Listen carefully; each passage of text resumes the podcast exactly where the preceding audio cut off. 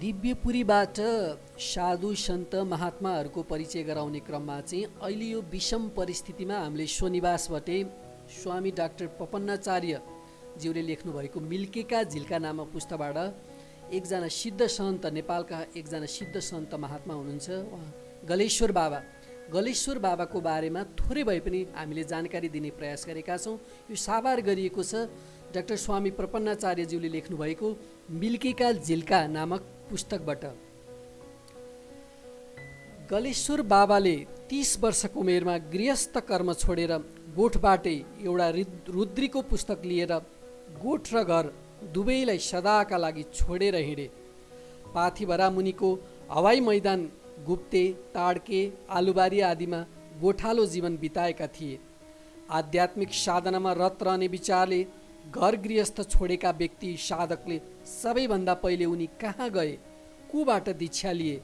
पछि मात्र ईश्वरानन्द ब्रह्मचारी अर्थात् ब्रह्मचारी ईश्वरानन्द आदि नामले पुकारिन थाले। तर यिनी कुन सम्प्रदायमा दीक्षित भएका थिए यो पनि पत्ता लगाउन बाँकी नै छ।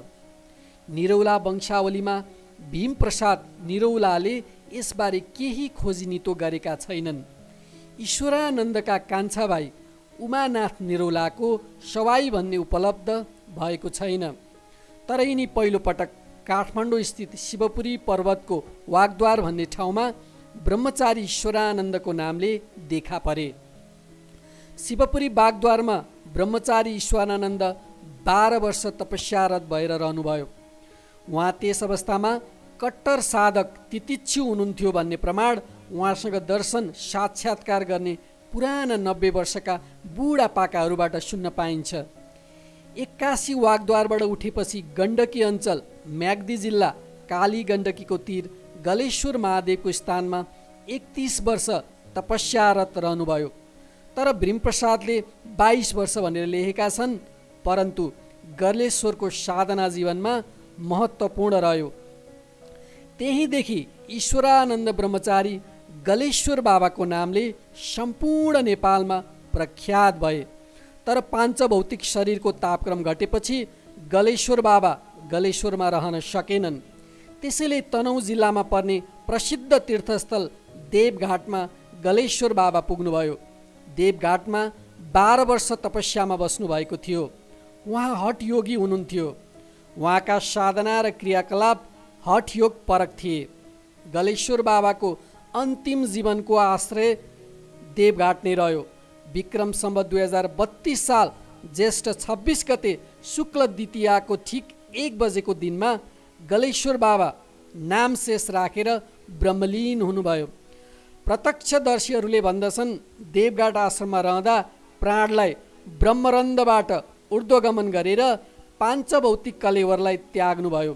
गलेश्वर बाबाले बागद्वार गलेश्वर देवघाट मात्र होइन अपितु गोसाई कुण्डमा चतुर्मास अनुष्ठान तथा मुक्तिनाथ र मानसरोवरमा पनि चतुर्मास अनुष्ठान गर्नुभएको थियो।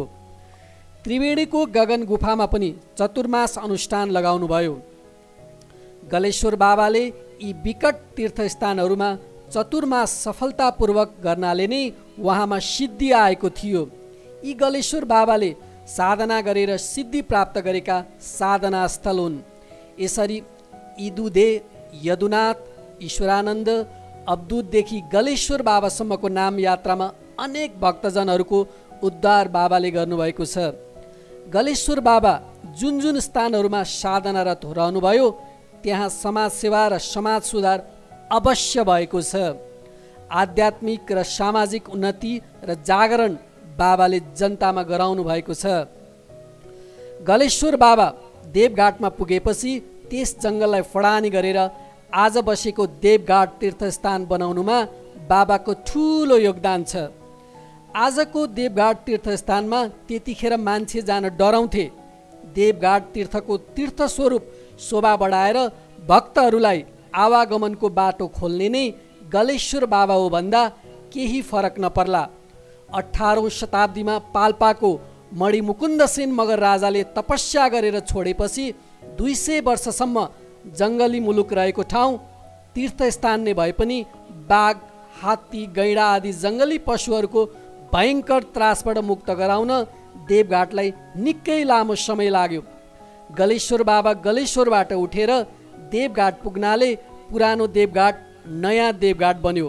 परन्तु अब बुद्धि पुऱ्याएन भने काठमाडौँ जस्तै देवघाट पनि नरक घाट बन्ने स्थितिमा आइसकेको छ। देवघाटवासी साधु सन्त र जनता तथा प्रशासन जागरुक र चेतनशील भएको देखिएन। फोहोर प्रदूषणबाट देवघाटलाई कसरी बचाउन सकिन्छ? चेतनशील जन जनसमुदायले तत्काल कमर कस्ने बेला आएको छ। फेरि रुनु नपरोस् पवित्र पावन तीर्थधरालाई अपवित्र पार्ने मान्छे नै त हो। हाम्रो घरलाई सुग्घर सफा राख्न पाए कस्तो हुने थियो भनेर सोच्ने व्यक्तिले राष्ट्र र राष्ट्रमा रहेका तीर्थस्थान र समाजको बारेमा पनि त्यही सोच्नुपर्छ। हामी आफूले अर्काबाट जे अपेक्षा गरेका हुन्छौँ अर्कालाई पनि त्यही सोचेर त्यस्तै व्यवहार गर्नुपर्छ। थप भिडियोहरूको लागि हाम्रो च्यानल सब्सक्राइब गर्नुहोस् र छेउमा रहेको बेल आइकन पनि दबाउनुहोस्।